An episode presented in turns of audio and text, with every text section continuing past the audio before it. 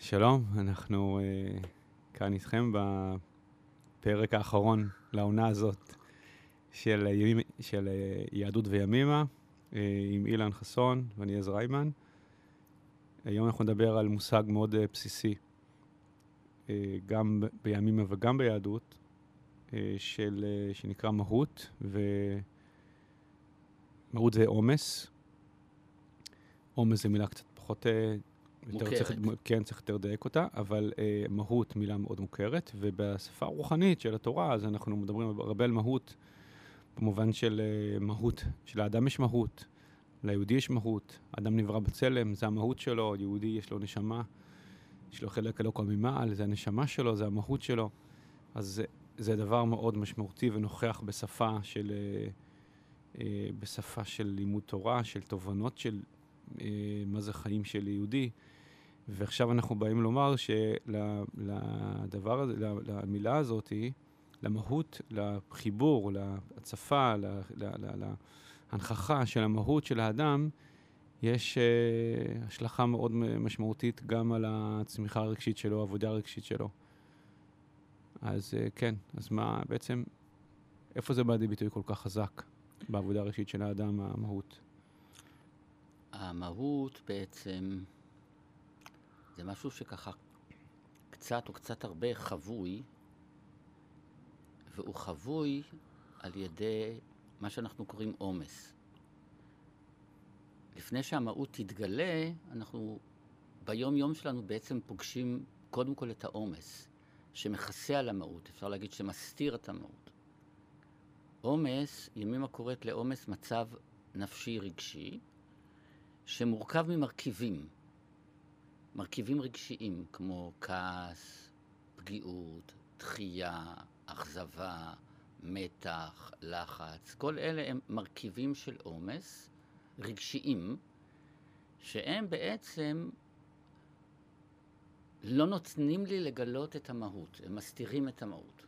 צריך רק, לפי רק זה לדייק, עומס, היום בשפה העברית, אדם אומר אני בעומס. אז הוא מתכוון, נגיד, עומס של זמן או עומס נפשי. פה אני מרגיש שבעצם העומס נפשי זה קצת קשור לזה, אבל יש כאן משהו הרבה יותר רחב. נכון. מרק עומס נכון, נפשי. נכון, נכון. מתוך זה אנחנו, דרך אגב, מגיעים למשהו שימימה קבעה מושגים, היא נתנה להם מילים. כשאנחנו שומעים את המילים, אז אנחנו הרבה פעמים ישר מפרשים את זה, מה המילה הזאת אומרת לנו, מה, שאומרים עומס, מה זה נשמע, שאומרים המתנה, מה זה נשמע, שאומרים דיוק, שאומרים מלאכה. המילים הם כמו קודים לפירוש מסוים. במשך הזמן הלומד, שהוא אומר את המילה עומס, הוא יודע למה הוא מתכוון. אז זה הרבה יותר רחב. זה נכון שככה אנחנו רגילים להגיד, אני עמוס מאוד, זאת אומרת, אין לי זמן לנשום. יש בזה משהו. אין לי זמן לנשום, אז אני לא יכול להתבונן באמת בדברים בנחת, אני לא יכול להסתכל עליהם, אני לא בהקשבה עכשיו, אני עמוס, אל תדבר איתי עכשיו. תן לי לגמור את הפרויקט הזה, ואז אני אוכל לדבר איתך. אז יש משהו באנרגיה הזאת, אבל זה הרבה הרבה הרבה יותר רחב. אה, שזה, ש... שבעצם כן. מה זה? בעצם אני, אני, אני ב...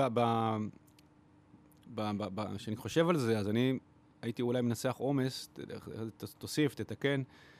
עומס כמשהו שבעצם זה, זה מרכיבים של אה, תחושות, חוויות, מחשבות שיש לאדם, שהם אה, לא נובעים מהמהות שלו, הם לא נובעים מהפנימיות שלו, הם כאילו לא אמיתיים, הם סוג של בלבולים אה, שבאים, בלבולים חיצוניים שמדמים נדמים לו כאמיתיים וחשובים ומהותיים, אבל, אבל בעצם זה בגלל התנהלות uh, רגשית לא מתוקנת, אז זה מתלבש עליו ונראה לו כמשהו מאוד uh, אמיתי וחי וקיים, אבל, אבל בעצם זה לא, זה רק בגלל... כן. אז זה... נתחיל, למשל, יש לנו בעצם, נדמה לי שקצת דיברנו על זה בעבר, אבל נחבר את זה למקום העמוס. יש לנו בעצם... שתי תנועות, איך אנחנו פוגשים את עצמנו, איך אנחנו פוגשים את העולם, איך אנחנו פוגשים את החיים. תנועה אחת זה התקרבות ותנועה אחת זה התרחקות. התנועה של התרחקות זה התנועה של עומס, זה התנועה של לפגוש את החיים דרך מאבק, דרך מלחמה, דרך התנגדות.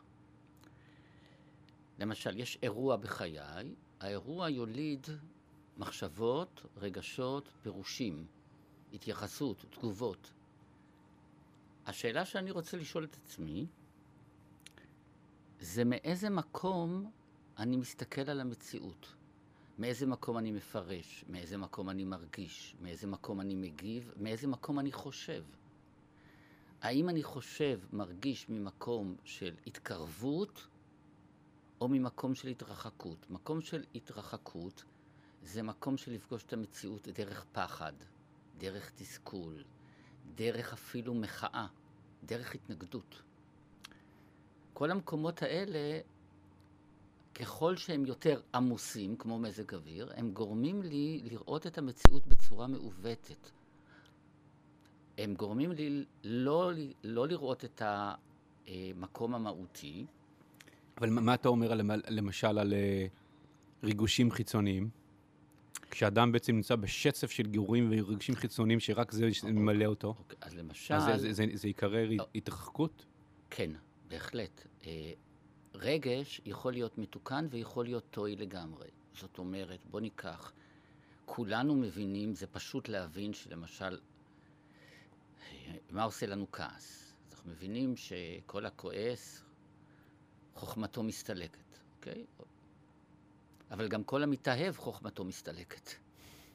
זאת אומרת, אם אני התאהבתי מעל הראש, ואני לא רואה כלום, ונראית לי שבת הזוג שלי היא מושלמת לגמרי, אז זה ברור שאני עכשיו באיזשהו שלב, את זה קשה לנו לראות, כי זה נורא כיף.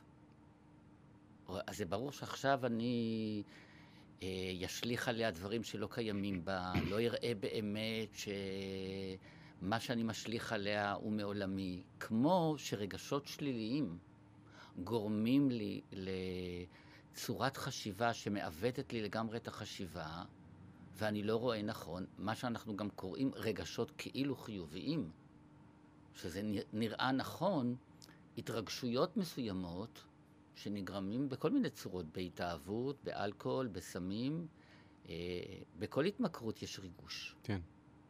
הייתי אומר, זה סוג של אה, אה, מציאות אשלייתית. אשלייתית. וה... מחשבות אשלייתיות. נכון, ולכן אפשר להגיד שהעומס הוא סוג של חשיבה אשלייתית. מה שאנחנו מבינים שהעומס בעצם מעוות לנו את הצורת חשיבה. אחד הדברים שאנחנו רוצים לשאול את עצמנו, איך אני פוגש את המציאות? דרך העומס או דרך המהות, למשל? האם אני במתח? האם אני בהתנגדות? האם אני בכעס? כמו שדיברנו, אם אני מזהה את כל הדברים האלה על עצמי, אז אני מודע לזה שאני עכשיו עמוס. אני רוצה לזהות שאני עמוס, כי המון פעמים אני מאוד עמוס ואני בכלל לא מזהה שאני עמוס. אם אני עמוס ואני מזהה שאני עמוס, אי אפשר להתקרב למהות כל עוד לא נטפל בעומס. המהות היא לגמרי מוסתרת. עכשיו, מכיוון שהמהות היא לא אגרסיבית, היא לא נאבקת, היא חרישית. כדי לגלות אותה בעדינות צריך להתחיל לקלף את הקליפות שהעומס מסתיר אותה. זו דוגמה, אם אני מאוד נפגעתי ממישהו, עכשיו הפגיעות הזאת גרמה לי להשתלט על המערכת הנפשית-רגשית, והיא כל כך עוצמתית, שאני בכלל כבר לא רואה את הבן אדם. אני גם לא רואה שחוץ מהרגע שנפגעתי, אני לא רואה שנפגעתי כי הפירוש שלי אולי היה מאוד חריף. אני לא רואה שנפגעתי כי למשל אני מאוד תלותי בתגובה שלו, ויש סיכוי שאני יכול להיות, אה, נגיד, נפגעתי מאוד ממשהו שאבא שלי אמר. כי אבא שלי חשב שכדאי שאני אלמד אה, איזה מקצוע מסוים, ואני רוצה ללמוד משהו אחר, ונורא נפגעתי. במקום שאני מחובר למהות שלי יותר, בסדר, אבא שלי רוצה ככה, אני לא נורא נלחץ מזה, אני לא נורא נפגע מזה, זה לא נורא משפיע עליי, אני יודע, זה שייך לאבא שלי, זה שייך למשהו שנדבר עליו אולי בהמשך, להפרדת שדות. אז אני לא מתערער לגמרי או לגמרי מופר ממה שקרה בחוץ, אני יכול להיות על מקומי ולראות, אוקיי, זה מה שאני רוצה, אבא שלי חושב ככה, מותר לו לחשוב ככה, אני שונה ממנו, מותר גם לי לחשוב ככה. והדבר הזה לא מאוד מטלטל אותי, אבל כשאני בעומס, זה מאוד מטלטל אותי. ואז אני מאמין למחשבות שלי שהן צודקות. למשל, ש... כל הסיפור הזה הוא בעצם, הוא, הוא טיפה אה, בהתחלה מורכב, נכון. כיוון שאנשים צריכים בהתחלה להתרגל לזה שהמחשבות שלהם והתחושות שלהם, יש שם לעשות עבודה איתם ולהפריד בין שני דברים, נכון. שאולי זה לא שחור לבן, ויש לזה אולי עבודה מתמדת בתוכנו, לעשות איזושהי הפרדה בתוכנו בין מחשבות ותחושות שהן אמיתיות, לבין מחשבות ותחושות שהן לא אמיתיות. ולפעמים, עכשיו, כשזה רגשות שליליים, יותר קל להצביע על זה. יותר קל להצביע שפחדים וחרדות וכעסים נובעים מעומס. לא בטוח. אה, לא בטוח. בסדר, נכון שמי שלגמרי בזה, הוא לא רואה את זה. אבל, אה, אבל מתי שאדם, הוא כאילו מספר, זה עושה לי טוב, אבל לראות שהוא בעומס פה. כלומר, אתה באיזשהו מצב טועי של טוב, אתה באיזשהו דמיון, אשליה. אז זה, זה יותר, אה, קצת יותר עדין. אה, זה נכון מה שאתה אומר במובן מסוים, אפילו יש לזה שם.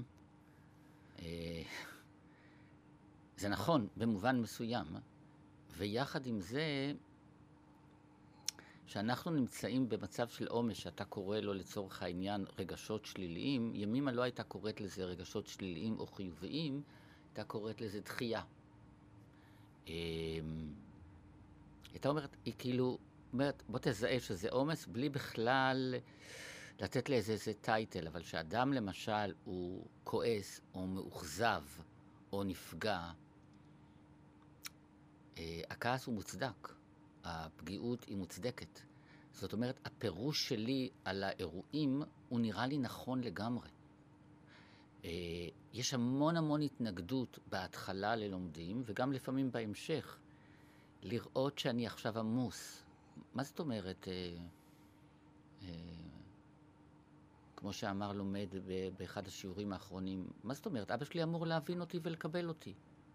הוא אמור להבין אותי איך שאני. ו... או מה זאת אומרת, הבן, אשתי אמורה להבין אותי. לא, היא לא אמורה להבין אותך, היא חושבת אחרת. אז המקום הזה של uh, לתת לזולת מקום להתקיים בו, מה שהוא חושב, ולתת לעצמי, בלי להתערבב, בלי להיות מופר, זה לא ברור לנו לגמרי. כלומר, אנחנו הרבה פעמים מחזיקים בעומס בעקשנות, במחשבה שהעומס זה אני, ולא כן. רק העומס זה אני, גם העומס של הזולת זה הוא.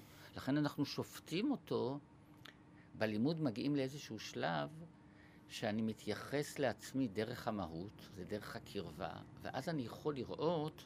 גם אצל אחר. את ה... אצל האחר, למשל... זה, זה נכון אולי לומר שעומס, לפי מה שאמרת מקודם, אני מעמיס. אני מעמיס על הסיטואציה ככה, דברים שהם לא ככה, שם. ממש ככה. יש לי ממש דוגמה של אדם ש... אה, יוצא לטיול בגליל עם תרמיל מלא אבנים. והאבנים האלה זה עומס, זה מיותר לו. עכשיו, הוא לא יכול ליהנות מהנוף, הוא לא יכול להסתובב בנחת, כי יש לו תרמיל מלא אבנים, ועד שהוא לא יוריד את התרמיל הזה, ובעצם יזרוק אותו, לא צריך את האבנים האלה, זה לגמרי מיותר, זה לגמרי עמוס, אבל הוא בטוח שהוא צריך להיסחב עם האבנים האלה לכל מקום. אה, זה כמו למשל, אה, יש איזה מין תיאור על כפר מסוים, ששני בחורים בכפר הזה הולכים לכל מקום והם מחזיקים על הראש שלהם סירה. והם לכל מקום הולכים עם הסירה הזאת. שואלים אותם, למה? אומרים, לפני עשרים שנה היה שיטפון. ואנחנו ניצלנו על ידי סירה. עכשיו, אנחנו לא יודעים מתי יש שיטפון, אנחנו צריכים ללכת לכל... עכשיו, הסירה הזאת מיותרת עכשיו. היא מכבידה עליכם, היא לא נכונה לכם. היה איזה משהו לפני עשרים שנה. בסדר, לא צריך את הסירה הזאת יותר. אבל הם בחרדה, אז הם נסחבים לכל מקום עם הסירה הזאת שהיא תציל אותם. מה שדיברנו למשל, אה, כאשר אני במהות, אני יכול להקשיב לשני, גם אם הוא מאוד סוער, גם אם הוא מאוד מבולבל, גם אם הוא מאוד אה, בא אליי בכעס. במקום שאני עמוס, אז האחר לא רואה אותי, לא מבין אותי, אה, כועס עליי, לא אכפת לו ממני וכולי. במקום המהותי, אני אני, והאחר זה מה שעובר עליו, אבל מה שעובר עליו לא, שי... לא מוכרח להיות שייך אליי. זאת אומרת, יכולה להיות הפרדה, אני יכול להתייחס לאחר מה שהוא, ככה הוא חושב, אוקיי? אני חושב אחרת, אבל אני יכול... לא, במקום העמוס הכל משפיע עליי, הכל אישי, הכל קשור אליי, לא קשור אליך. וזה חוזר למקום הילדי, שהילד זה ישר קשור אליו. אם אבא שלו כועס עליו, אז הוא לא יכול לראות שאבא שלו כועס על מעשה, הוא כועס עליו, הוא לא אהוב, הוא דחוי. עכשיו, זה לגמרי ברור בתור ילד. כן. אבל אם אני בן 25, ואני מתרגם את הכל כקשור אליי, אז כן. נשארתי בתודעה עמוסה, ילדותית. כן. העומס הוא תמיד קשור ל... לילד, המהות קשורה ללומד. במהות יש משהו שמתפתח, כמו לומד, היא כל הזמן לומדת. היא- היא יכולה לברר, היא יכולה להתייחס לדברים, כאילו, יכולה אם- אם- להתפתח. אם הוא חלק עליי, אני מעמיס על הסיטואציה תחושה שהוא גורם לי להרגיש לא שווה. יפה. זה ממש מה שאמרת. זאת אומרת, למשל, זה יגרום לבן אדם להגיד, למשל, שאדם אומר, אני מוכרח להוכיח לסביבה מה אני שווה. כן. זה בא ממקום עמוס, למה אתה מוכרח להוכיח? כי אתה מרגיש לא שווה. כי מישהו גרם לך, או אנשים אומרים משפטים כמו, הוא גרם לי להרגיש אפס. אף אחד לא יכול לגרום לך להרגיש אפס. אתה יודע, פעם סיפר לי בית זוגי, שבא אליו מישהו, אחרי קידוש בשבת, של הקהילה. הוא אומר לו, עכשיו התווכחתי עם אשתי חצי שעה, אם מה שאכלנו עכשיו בקידוש היה פשטידה או קיגל.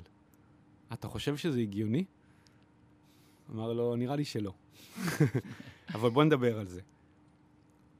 כן. מה הסתבר שיש שם? בדיון הזה שהתפתח, העמיסו, הם העמיסו על הדיון הזה את כל התחושה, היא, את כל התחושות האלה, את כל ש- העומס שלהם. את כל מה שבן זוג שלי לא מעריך אותי. ועכשיו אני אוכיח לו שהוא טועה, כן. וכך הוא ילמד להעריך אותי. זה נהדר מה שאתה אומר. לימימה יש אה, מין מקום כזה שהיא אומרת, שאתה צודק, אתה טועה. שאתה, למה אתה צריך להיות צודק מאוד? כי זה בא מהתחושה של, אה, של הישות שמוכרחה להיות צודקת, שאותה מישהי, אותו מישהו, מלביש על הקיגל או על הקיש או על הפשטדה את כל העומס של מה אני שווה ולא מעריכים אותי, אז זה יתלבש על כל דבר. כלומר, אבל אם אני מחזיר את זה לעצמי, יקרה משהו אחר לגמרי. במקום לתת את המפתחות לזולת, אני אחזיר אותם לעצמי, ואני אגיד לעצמי, אני לא מעריך את עצמי. יש לי פה עבודה ללמוד להעריך את עצמי. או לא, או לראות איפה אני לא ראוי להערכה, אולי פישלתי. אז אני לא מעריך את עצמי בכל צורה. זאת אומרת, המפתח להערכה, לקבלה, הוא לא אצל הזולת, הוא אצלי. ואז אני יכול לראות מתי אני באמת ראוי להערכה, ואני יכול לטפוח לעצמי על שכם, עשיתי פה עבודה טובה, ואני יכול להגיד, לא, פה זה היה בינוני. או פה לא הצלחתי, או פה טעיתי, או פה... אבל אז הטעות לא מתלבשת עליי, שאם טעיתי, גמרנו, אני לא טעות אחת גדולה, יש בי טעית, זה טעות, זה מתוחם. כשאני עמוס, אז הכל אישי, גם היחס שלי כלפי עצמי הוא יחס עמוס. ולכן, נגיד, היחס שלי כלפי עצמי הוא מלווה בהמון ביקורת, בהמון שיפוטיות, בתחייה עצמית, ברגשי נחיתות. עכשיו, ככל שאני למשל במצב הזה יותר, מי ייתן לי תחושה שאני שווה? הזולת.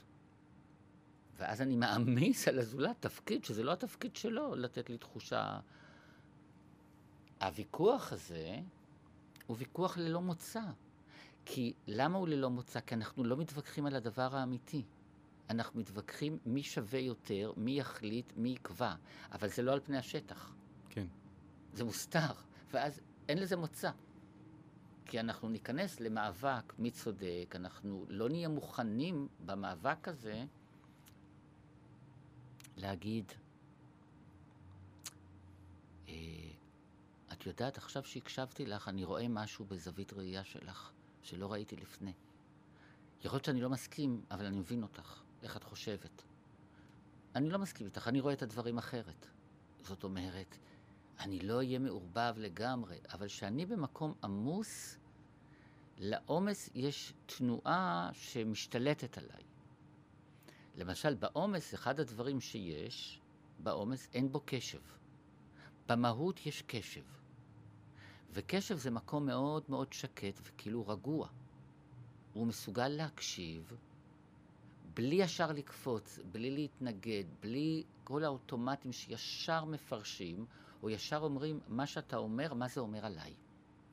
מה קרה בזוג הזה שאתה מתאר? הוויכוח הוא, מה זה אומר עליי? מה זה אומר עליי? זה ישר אני מנכס את זה לעצמי, זאת אומרת שאני ישר בתנועה ילדית. אני רוצה לזהות את זה. ואני רוצה לא להאמין לזה שזה נכון.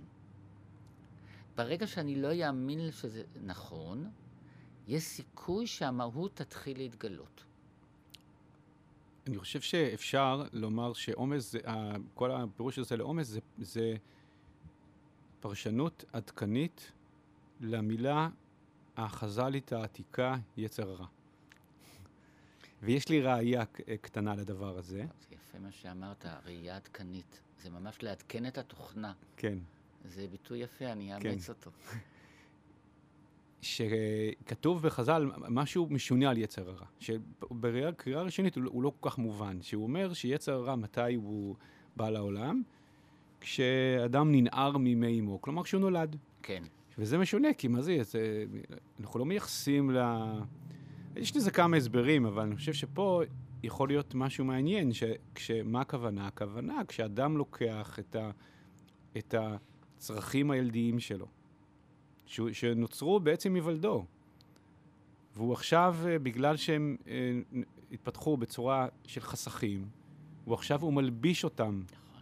על הסיטואציות שלו כאדם בוגר, נכון. אז מקבל דברים ש, ש, שהתורה תקרא להם מידות רעות, כמו כעס ופחד ואגו. אם אנחנו רואים, זה מאוד מעניין מה שאתה אומר, כי העובר, כל צרכיו מסופקים, אין לו שום תסכול, אין לו שום חוויה, לא של רעב, לא של קור, לא של חום. עכשיו, ברגע שהוא נולד, הוא חווה קור, חום, רעב, חסכים. מובן שהוא יצור חסר אונים, והוא חווה חוויות מאוד לא פשוטות של, חו... של חסכים, שאמורים לאט לאט, ההורים לאט לאט נותנים לו, נותנים לו חום, מאכילים אותו, מטפלים בו. העניין הוא שהחוויה הזאת של אה, חסכים יוצרת רישום בנפש, והרישום הזה אומר שכדי שאני אהיה מסופק, מישהו צריך לטפל בי, מישהו צריך לתת לי. אם אני בן שנתיים, או בן ארבע, או בן חמש, או בן שמונה, בהתאם לגיל, זה בסדר. אבל אם אני בן עשרים והחסכים שלי צריכים להיות מטופלים על ידי הזולת, אז אני נשארתי במצב ילדי. להרבה מאיתנו יש את האשליה, שאפשר לקרוא לה במובן הקיצוני, אתה רוצה לחזור לרחם, אי אפשר לחזור לרחם יותר. זאת אומרת, אתה לא יכול בגיל 20 או 30 או 40 להיות במקום שכל הזמן מצפה להיות מטופל, או להיות מוכל. אה, אני יכול להגיד ככה בסוגריים, רק ממש בנגיעה קטנה, שיש היום הרבה תיאוריות של טיפול זוגי שמחזקים את המקום הזה, שמתייחסים אה, לבני הזוג כאל שני ילדים פצועים שאחד אמור לטפל בשני. ואז יש לנו פה שני ילדים מטופלים, אה, ואין לנו פה שני בוגרים. אז, אה, אז המקום הזה, נגענו היום הרבה בעומס וטיפה במהות, כי המהות היא באמת, היא כאילו מתגלה כמובן מאליו, היא כאילו מתגלה במלוא פריחתה פתאום. למשל, כשאדם עושה עבודה ימימאית, הוא מגלה פתאום שהוא יכול יותר להקשיב בנחת, שהוא יכול פתאום להתחבר לטוב שבתוכו, שהוא פתאום לא כועס על משהו שהוא כעס, שהוא פתאום לא בהתנגדות. אבל זה מתגלה לא כי הוא עושה עבודה ישירה על המהות, זה מתגלה שהוא מסיר את הקליפות של העומס, ואז אה, ימימה קוראת לזה, המהות חוזרת לפנימיותה. היא כאילו חוזרת למקום שלה, איפה שהיא הייתה מוסתרת, היא פתאום מתגלית. ולכן העבודה היא בעצם לראות את העומס, לזהות אותו, ולהתחיל לנקות אותו. כן, אתה כאילו אומר שבעצם הוא, הוא, זה משהו שמתגלה פתאום, כשאדם הוא, הוא מצליח להסיר מעצמו אה, את הקליפות שלהם, זאת אומרת, זה לא עבודה ישירה. טוב, איך אני מגלה את המהות שלי? כי כן. כל עוד העומס קיים, אתה לא תצליח לגלות את זה. נכון, רק כשתעשה, תקלף, אז... נכון. אבל זה לא משהו שהוא קצת כמו צבת בצבת, כלומר, גם בשביל לקלף, לראות, להצליח לראות שמשהו בעומס מיותר, אני צריך שיהיה לי איזושהי אחיזה מסוימת קצת ב, ב, במהות, לא? אז uh, אני אגיד משהו על זה. זה, זה תהליך, בגלל זה יש לנו את כל מה שדיברנו על uh, דיוק יחסי, על המתנה, כל המקומות האלה שאני מתחיל להתבונן, ויש קרבה מאוד מאוד איטית. הרבה פעמים כששואלים לומדים, אז, אז, אז מה קורה שם בלימוד? אז הם לא יודעים מה להגיד. והרבה פעמים לומדים אומרים, אני לא יודע איך זה פתאום קרה. פתאום, כי פתאום הפסקתי לכעוס, פתאום הפסקתי להתייחס, פתאום אין לי את התגובות, פתאום אני פחות נסער. מה קרה? לאט לאט הוא התחבר לאיזשהו מקום, וזה חלחל וחלחל וחלחל. התובנות מחלחלות, והעולם הרגשי לאט לאט פתאום משתנה. זאת אומרת, התובנות לא נשארות בשכל, התובנות יורדות ללב. והן לא יכולות לרדת ללב אם uh, אני בא ישירות ללב ואני אומר לו, תשתכנע. הלב משתכנע פתאום לאט לאט, ירדה התנגדות, ירד מאבק, ופתאום הלב מסכים לגשת לדברים ממקום אחר. ואז יש תנועה אחרת, אבל היא, היא תנועה איטית, היא תנועה חרישית. כן. זה כמו... תוך כדי שדיברת, נזכרתי בקטע שעכשיו חיפשת תוך כדי, קטע מהרב קוק שלא, שלא הודפס בינתיים, לצערי. הוא עדיין לא אוקיי. הודפס בספרים. וואו, אוקיי. אבל איכשהו הגעתי לזה, שממש נוגע בדבר הזה. הוא, אומר, הוא כותב ככה, הוא אומר, מתוך ריבוי ההשתקעות ברשמים החיצוניים שמחוץ לנפש, ומתוך הרדיפה הרבה שהרעיונות הנקלטים מבחוץ רודפים את הנפש בעצמותה, מסתבך האדם באופן כל כך מעורבב, עד שגם בהתבודדותו, כשהוא מתאמץ למצוא את נפשו בפנימיותה, לא יוכל להגיע. וואו. והוא צריך להעמקה מרובה ולרחמי שמיים מרובים, להתרוממות רוח מיוחדה ולטהרה אמיצה פנימית עד שיוכל לומר, הנה מצאתי את נפשי. זה ממש אה, אחד לאחד, זה גם אה, כל כך הרבה פעמים יש התכתבויות ממש מדהימות בין הרב קוק לימימה. זאת אומרת, זה ממש אחד לאחד, אתה כל כך שקוע, שאתה בכלל, אין מעורבב. מקום, אתה מעורבב כולך. אתה מתחיל לראות את זה באמת בהתחלה, לפעמים, יש התנגדויות מאוד גדולות. כלומר, אנחנו רוצים להמשיך אה, לאחוז. אה, ואנחנו גם רוצים המון פעמים, אוקיי, אז תגיד לי, בוא, תן לי מפתחות, תן לי פתרונות. הפתרונות של ימימה באים ממקום של לא מה אתה צריך לעשות, זה אל תעשה. אל תעשה זה, בוא תאפשר לדברים, תן להם לעלות בכלל להכרה. כי הם, הם לא בהכרה שלך. אתה, מה זה הכרה? לימימה קוראים חשיבה הכרתית. חשיבה הכרתית זה שאני במודעות, אני בהכרה, מה קורה לי בכלל. כן. אם אתה לא בהכרה, זה שולט בך. אתה בכלל לא מרגיש איך אתה פועל. התנועה הזאת, בתחילת הלימוד, אנחנו עובדים הרבה לזהות את העומס. זאת אומרת, אנחנו שולחים את התלמידים, תשב כמה דקות בסוף היום ותכתוב כל מיני אירועים שקרו. תכתוב מה קרה ותכתוב מה הרגשת. פתאום אתה מגלה כמה אתה עמוס. קרה זה וזה, כעסתי, התעצבנתי, נפגעתי, נסגרתי, דחיתי, שפטתי. וואו, אתה מסתובב כל היום עמוס, אבל בוא תזהה את זה, כי בכלל לא הרגשת שאתה עמוס. אתה בכלל לא קולט מה קורה לך. השלב השני הוא שלב לא פשוט. יש את שלב הזיהוי. השלב השני, אני רוצה להפריד את העומס ממני, ושם יש הרבה פעמים התנגדות. כי אני מזהה את העומס עצמי. כעצמי. אנחנו, העומס זה לא אתה. אתה זה המהות. אבל מכיוון שאין לי בכלל קרבה למהות, אז אני לגמרי מזהה את עצמי כעמוס. ולפעמים אני מלביש על העומס, זה מה שנקרא את הצדק. אני צודק בזה שאני עמוס, ואז אני בכלל בחושך גמור. אתה שומע את זה הרבה פעמים תלמידים שכאילו אומרים משהו מאוד מאוד עמוס, ו... מכוסה בעטיפה של מאבק על מוסרי על צדק. למשל, ולפעמים ב...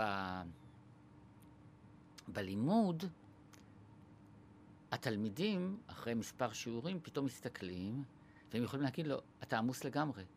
אתה לא רואה שאתה עמוס. אנחנו כבר, ש... כבר, אנחנו כבר מזהים, אתה עמוס.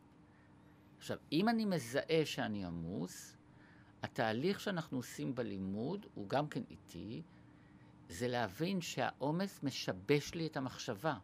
זאת אומרת, אני לא רוצה להאמין שהוא צודק. לכן הרבה פעמים יש כל מיני תרופות סבתא של אומרים תספור עד עשר, או עדיף שלא תגיב עכשיו, או עדיף שלא תפעל עכשיו, כי אתה תפעל ממקום עמוס. התוצאות של זה לא יהיו טובות. או בהמשך, כשאני מגלה שאני עמוס, אז יש המתנה, יש מידת רוחק, יש הרבה כלים שמלמדים אותנו, אוקיי, אתה עמוס עכשיו, לא כדאי שתדבר. לא כדאי שתגיב מהמקום הזה. כן. אה, יש הרבה כלים של, כמו שאמרנו, המתנה, מידת רוחק, דיוק יחסי. אני לאט לאט רוצה לראות, אוקיי, מאיזה מקום אני רוצה להתקרב עכשיו למה שקרה. דרך העומס, דרך הכעס, דרך התסכול, דרך הפגיעה, מה שיחזק את זה יותר, יהיה יותר עמוס, או דרך התקרבות, דרך מה שימימה קורא, דרך חום הלב. וזה תורה שלמה. טוב, בסדר. אז אנחנו נעצור פה בינתיים. תודה רבה.